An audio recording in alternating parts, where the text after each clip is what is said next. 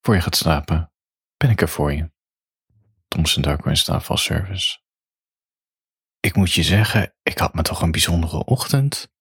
Nou ja, uiteindelijk is wel. De ochtend is wel een beetje waar je er zelf van maakt. Maar laat ik het zo zeggen, wat me nou eens overkomen.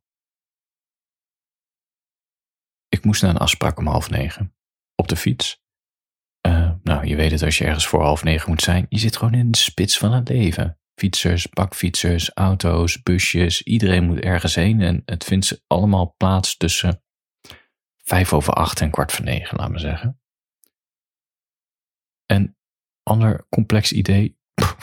sorry, ander complex component. De stad waar ik in woon, maakt niet uit welke straat je inslaat, overal hebben ze de straten opengebroken om talloze redenen. Het is net Amsterdam, je wordt er gek van. Met als gevolg dat ik voor deze wekelijkse afspraak elke keer nu over dezelfde straat moet fietsen.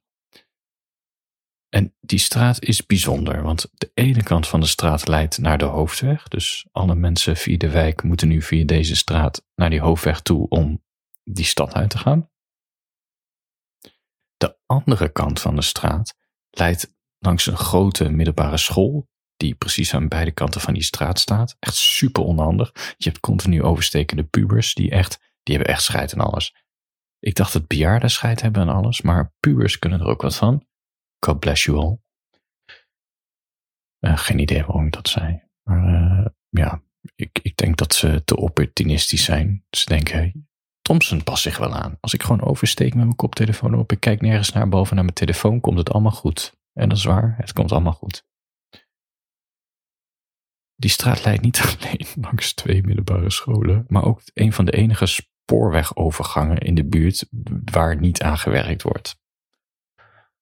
Kortom, het is een druk straat. En ik zeg ook straat, want er is, er is sowieso op één punt in die straat te weinig parkeerplek. Dus daar hebben allemaal mensen een autootje neergezet, mensen die daar wonen. En dat creëert, om even in goed Nederlands te zeggen, een bottleneck. Bottleneck. Bottleneck. Raar woord eigenlijk. Bottleneck. Bottleneck. En ik moet je zeggen, weet je, normaal gaat die bottleneck goed. Weet je, mensen moeten een beetje in de remmen. Het is geven en nemen. Kom jij maar, nee, kom ik. Pak ik hem, pak jij hem. En het, het, die, die plek, als je iets over de als je iets over de mensheid wil leren, moet je daar gewoon een stoeltje, een stoeltje pakken en gaan neerzetten. En gewoon kijken naar al die gezichten. Want al die gezichtsuitdrukkingen op die bottleneck plek, dat leert je over wie, wie al die mensen zijn. Wie heeft er een goed aardig karakter? Wie zegt kom maar, ik wacht wel even? Wie heeft de meeste haast? Wie is de dromer? Wie is de deurval? Wie is er met een humeurtje opgestaan? Wie ergert zich enorm aan anderen? Wie is de kalmte zelf? Wie is de observeerder? Dat ben ik. En wie communiceert via koplampen en allemaal andere gekke gebaren? Fascinerend. En wat me nog het meest opvalt aan deze bottleneck, dat is hoe iedereen alleen met anderen is.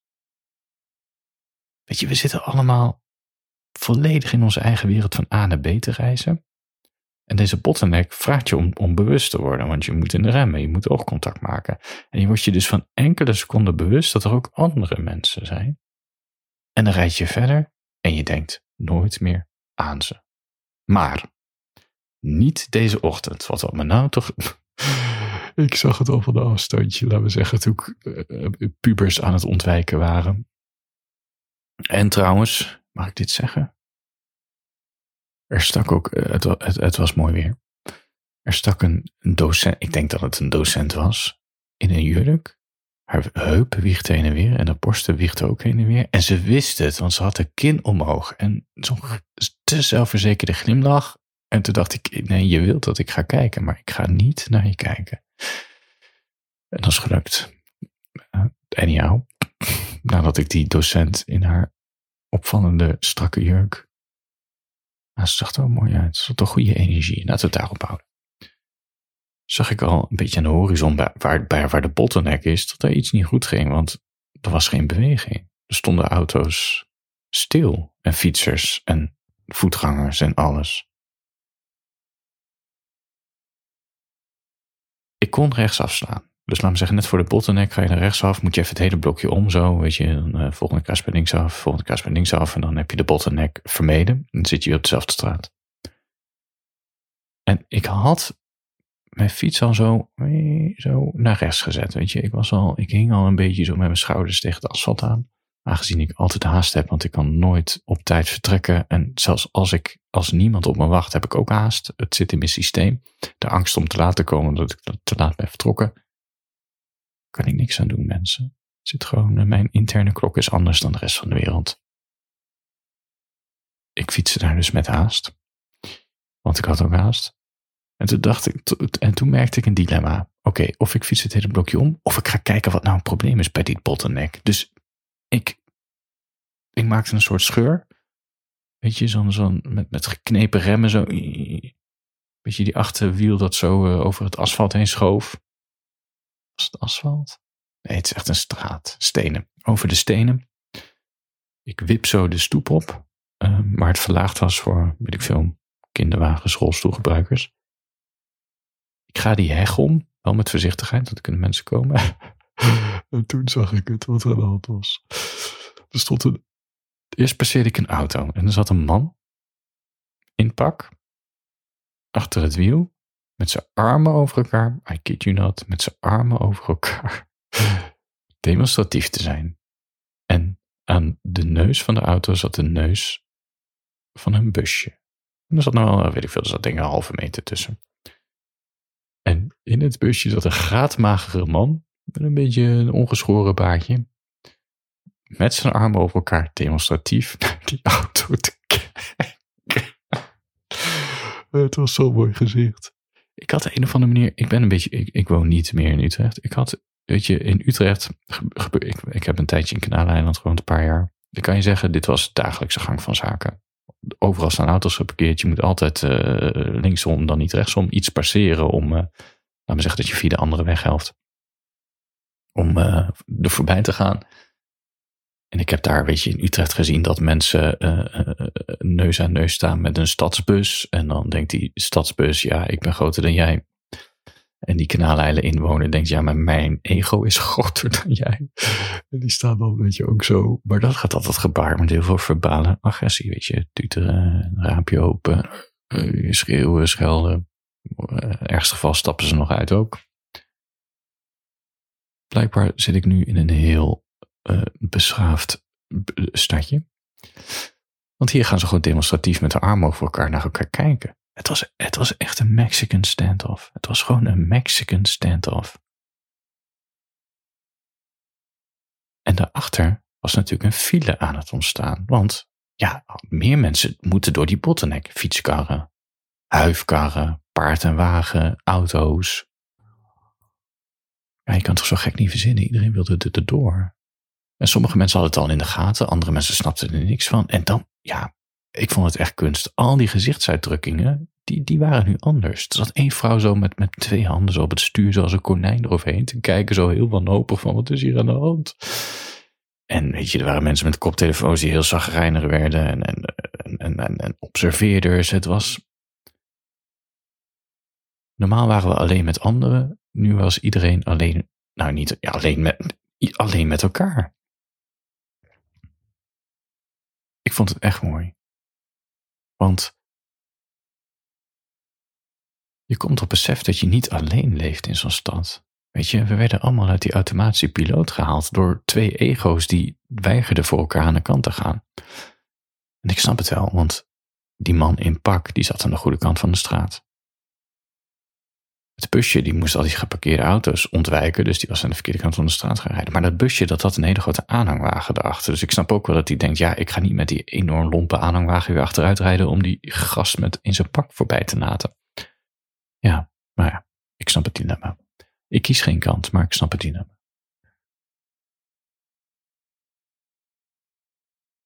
Heb jij, even een klein zijstraatje, heb je wel eens dat je in de auto rijdt en dat je dan even in de achteruitkijkspiegel kijkt. Gewoon eigenlijk random, niet bewust.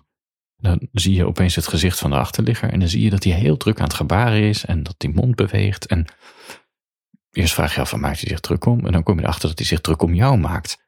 diegene achter je zit zich enorm op te winden over jou. Dat is toch zo'n maf besef, omdat je er heel toevallig achter komt en dat je ook denkt, maar ik rijd toch gewoon, wat, wat, waar maak je druk om?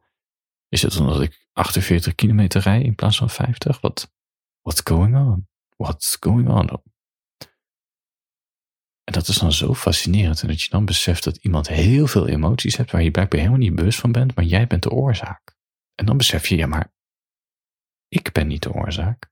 Diegene is zelf de oorzaak van die frustratie. Die heeft blijkbaar allemaal verwachtingen bij mijn rijgedrag waar jij dan niet aan voldoet en die voelt dan een hele hoop.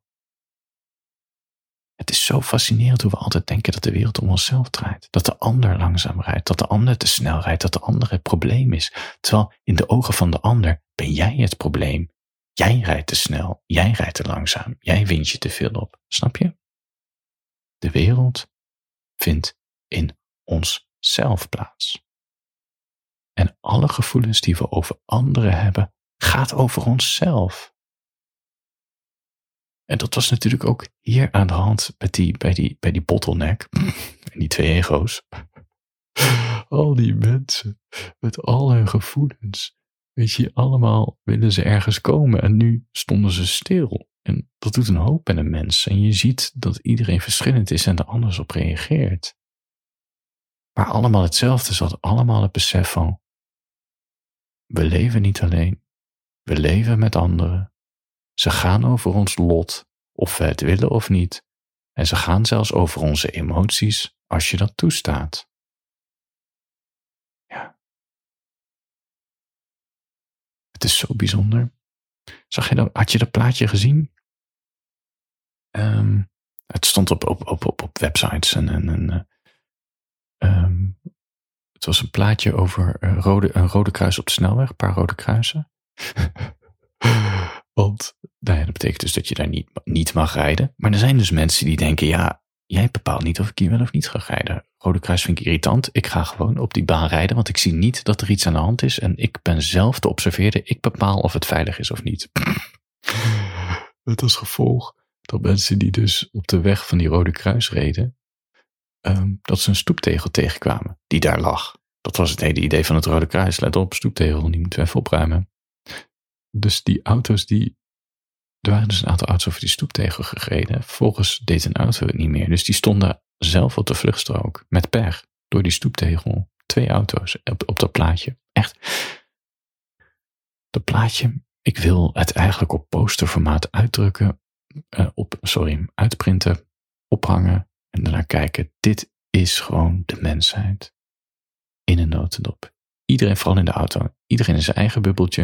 Nou ja, is de metafoor, maar de metafoor is zo goed omdat mensen in de auto sowieso al autonomie ervaren en een bubbel. Daarom scheld je ook zo lekker in de auto. Ik niet. Ik laat me niet opwinden door anderen. Uh, klinkt een beetje dubieus. Hm, opwinden. Oké, ik laat deze even varen. Ja, je hebt echt een dirty mind, jij. Laat dat. Nu ben ik helemaal van me apropos. We zitten in ons bubbeltje in die auto. Iemand in het torentje in Driebergen zegt: Hier mag je niet rijden, er is iets aan de hand. Maar jij weet niet wat, want je ziet alleen een rood kruis en je denkt: Fuck it all, ik doe waar ik zin in heb. En de rest zijn schapen en ik niet. En vervolgens heb je zelf de last van. Het is gewoon kunst. Kunst, kunst, kunst, kunst. Kunst, kunst, kunst. Ik ga, ik ga dit plaatje toevoegen in de mail hierover. Dan kan je het uh, lezen als je geabonneerd bent op petjeaf.com slash Steun me maandelijks, dan steun ik jou vier dagen in de week met uh, teksten in je mailbox en teksten in je oor. Voor de ultieme melancholie en melancholische zelfhulp. Of ik het nog steeds een vies woord, maar dat terzijde. Daarover trouwens zometeen meer. We gaan het even over zelfzorg hebben. Oké, even terug naar um, de bottleneck. De bottleneck. De bottleneck. Ik weet dus niet hoe het is afgelopen, want ik ben doorgefietst. En ik moet zeggen, open eindes is ook een vorm van kunst. Je moet gewoon een film kijken en dan laatste kwartier moet je gewoon uitzetten en er nooit meer naar kijken en het hele einde in je hoofd oplossen. Ja, dat is ook een kunstvorm. Ik moest gewoon naar die afspraak toe. Dus ik had niet zoveel tijd om eh, te kijken hoe dit afliep. Anders Als ik alle tijd van de wereld had, was ik denk ik wel even blijven kijken. Ik vind het ook fascinerend. Ik, wil, ik word ook aangetrokken door dit soort dingen. En dat is toch een beetje de. Ik heb journalistiek gedaan. Dat is een beetje de journalist in mij nieuwsgierig. Daar wil ik het mijne van weten. Laat me zeggen, kuifje. In Rusland, die dan uh, land van melk en honing ziet. En dan gaat afvragen: is dat wel zo? Is dit wel het land van melk en honing? En dan erachter komt dat al die fabrieken in de Sovjet-Unie van karton zijn en zo. Ken je die strip? Nou, je hebt volgens mij echt geen flauw idee waar ik het over heb, hè? Kuifje, die was reporter. Dat is een van de eerste lessen die ik kreeg op school voor journalistiek. Uh, met Kuifje als voorbeeld dat dat een journalistieke attitude is. De zin, daar wil ik het mijne van weten. Daar heb ik nog steeds een beetje last van. Daar wil ik het mijne van weten. En jou, als je nog niet slaapt? Ik weet dus niet hoe het is afgelopen met deze twee ego's en een uh, arm over elkaar staarsessie. Wat ik wel weet is dat mijn hoofd hele gekke dingen ging doen. Die ging namelijk zeggen scenario's afspelen. Um, hoe, eigenlijk één scenario. Hoe ik de dag zou redden door van mijn fiets af te stappen en de vredestichter te zijn tussen die twee. Door te zeggen, hé, hey, zijn we nou aan het doen? Jij wilt daarheen, jij wilt daarheen. Bed is hier te klein, daar kunnen we lang of kort over praten. Maar als we eventjes water bij de wei doen, jij gaat een beetje achteruit, jij gaat een beetje achteruit. Jij doet een beetje water bij de wei, jij doet een beetje water bij de wei. Kunnen we elkaar passeren, kan iedereen langs en we gaan verder met ons leven. Dat gebeurde dus in mijn hoofd. Dat open einde werd een Thompson is de held. En daarna werd ik daar bewust van dat ik dus een scenario heb gemaakt waar ik in de held was. Hoezo maakt mijn hoofd een scenario dat ik de held ben? Ik vind het zo frappant. Normaal zijn tot het hele melancholische gedachten die ik heb. Niet over dat ik de wereld red. Maar goed, blijkbaar had ik in mijn hoofd de wereld gered. En het is juist frappant, want ik ben helemaal niet zo'n held. Ik ben eerder een, uh, ja... Nou, laat ik niet te negatief praten over mezelf, maar ik ben alles behalve een held. Maar blijkbaar in mijn hoofd wel. Dat is de safe space waar ik een held mag zijn. Voor we gaan slapen. Wil ik het even over zelfzorg hebben. En ik wil best bekennen, het is best erg hoe erg ik mijzelf kan verwaarlozen. Ik zeg het maar gewoon. Ik ben Thomson Darko. Ik kan mezelf enorm goed verwaarlozen. Ik heb het tijdens twee, twee, twee momenten in mijn leven. Ik heb het als ik in een hele goede flow zit. Dan zeggen tikken, tikken, tikken, tikken, tikken. Schrijven, schrijven, schrijven, schrijven, schrijven. Ik vergeet mezelf volledig. En ik heb het als ik in een slechte vibe zit. Dan zeggen, ja, dat je gewoon niet zo lekker in je vel zit. Ik vergeet om te eten. Ik vergeet om te plassen te wandelen, op tijd te rusten, appjes te beantwoorden, op te staan van de bank, te vertellen tegen anderen wat ik wel of niet aan het doen ben. Het is allemaal een beetje isolatie, zelfverwaarlozing. Het is alsof mijn lijf niet meer bestaat. De connectie tussen mijn lijf en mijn geest, weg. Er is één zin die me door dit soort fases helpt. Daar moet ik wel bij zeggen, moet ik me er voldoende bewust van zijn sorry, dan moet ik me er voldoende bewust van zijn dat ik of in een extreem goede flow zit of mezelf aan het verwaarlozen ben. Maar laten we voor gemakshalve vanuit gaan dat ik daar bewust van ben. Dan herhaal ik één zin in mijn hoofd. En I kid you not, dit is echt waar. Alles wat ik zeg is waar. Of niet. Uiteindelijk is alles een vorm van perspectief, dus de waarheid bestaat niet. Zelfs het verleden en het heden uh, bestaan tegelijkertijd. Denk daar maar eens over na. Kwestie van perspectief, Einstein. Anyhow. De zin is goed voor jezelf zorgen. Thompson. Dus ik sta op, voel me kut, voel me al dagen kut. Ik heb het idee om mezelf te verwaarlozen. Ik wil eigenlijk de, ik moet de deur uit voor een afspraak. Ik heb helemaal geen zin om te eten. Ik denk er niet eens over na. En dan opeens een lampje in mijn hoofd. Goed voor jezelf zorgen, Thompson. Juist nu. En dan grijp ik terug naar mijn zelfzorglijstje. Echt waar, het bestaat, mijn zelfzorglijstje. Zelfzorglijstje. Goed voor jezelf zorgen betekent dat ik me aan mijn zelfzorglijstje houd. En die regels volg ik, zodat ik dus niet mezelf verwaarloos. En die zin, goed voor jezelf zorgen, ze werkt dus zo goed, omdat ik dus weet wat eraan gekoppeld is. En nu gaan we eventjes, als je nog niet slaapt, als je bijna slaapt, prent dit in je hoofd of schrijf het op dat je dit gaat uitwerken. Ik wil eigenlijk gewoon dat je nu iets gaat doen. Maak voor jezelf een goed voor jezelf zorglijstje. Capiche? Op dat lijstje schrijf je een aantal punten wat volgens jou goed voor jezelf zorgen is. Gewoon regeltjes voor jezelf die jou helpen om weer terug op aarde te komen, om weer die connectie tussen lijf en geest te herstellen. En je moet niet verlegen doen nu. Het is echt belangrijk dat je dit gewoon gaat, even gaat opschrijven. Maak er geen boekwerken van. Pak je pen en je notitieboekje. Liefst een bullet journal, maar het kan van alles zijn. Ook een schriftje van Nema van 1 euro is toegestaan. Schrijf een aantal punten op wat goed voor je zelfzorg is. Wat helpt jou om lief te zijn voor lijf en geest? Schrijf het puntsgewijs op en schrijf bij elk punt op waarom dat punt zo belangrijk voor jou is. Als je klaar bent met de lijst, ehm, pak een bladwijzertje of zo, of, of, of, of iets, of, of een ezelsoor, zodat je die pagina altijd in je notitieboekje terug kan vinden, zodat je er naar terug kan grijpen. Let op, wat ik nu ga zeggen is heel belangrijk. En dit is echt heel een belangrijke kanttekening. Dit zijn niet de regels hoe je elke dag moet leven. Je bent geen robot, maar een mens. De dagen dat je helemaal opgaat in jezelf is helemaal oké en dat je al die regels loslaat. Boeiend. Je bent een mens, je bent intuïtief, je bent niet rationeel. Dat is niemand, we denken dat, maar dat zijn we niet. Laat het los. Het punt is, als je het gevoel hebt dat je in een overleefmodus zit in je leven, dat er veel om je heen gebeurt. Als je het idee hebt dat je in een passieve status bent beland, weet je, dat je niet van die bank afkomt terwijl je er al drie uur zit. Als je het idee hebt dat je jezelf aan het vergeten bent. Als je het idee hebt dat somberheid je hele lijf en hoofd overneemt. Herinner jezelf aan de zin goed voor jezelf zorgen, Thompson. Maar ja, daar kan je beter je eigen naam invullen en herinner je aan al die punten om het uit te voeren. En houd je eraan. Het brengt je terug naar de basis. Terug naar de basis. Terug naar de basis. Ik hoop niet dat je in slaap bent gedroomd. Of misschien ook wel. Weet je, ik noem het in slaapvalberichten. Ik weet niet wat het is. Ik denk, ik weet al wat het is. Het is fijn om dit te luisteren voordat je gaat slapen.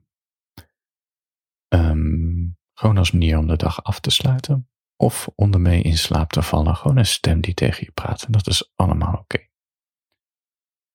Ik heb zelf zo'n zelfzorglijst gemaakt, al echt een paar jaar geleden. En ik ga hem nu oplezen voor de mensen die een Petje Af abonnement hebben. Als je dit ook wil horen, petjeaf.com slash Darko. Abonneer je. Het is al vanaf, uh, nou weet ik niet, moet je even kijken. Alle mogelijke manieren kan je me steunen. En dan hoor je dit ook. Dus voor degene die geen abonnement hebben, slaap lekker, handjes boven de tekens, morgen een nieuwe dag. En voor degene die een abonnement hebben, blijf lekker zitten. Dan ga ik eventjes mijn Thomson Darko zelfzorglijstje oplezen. Oké, slaap lekker.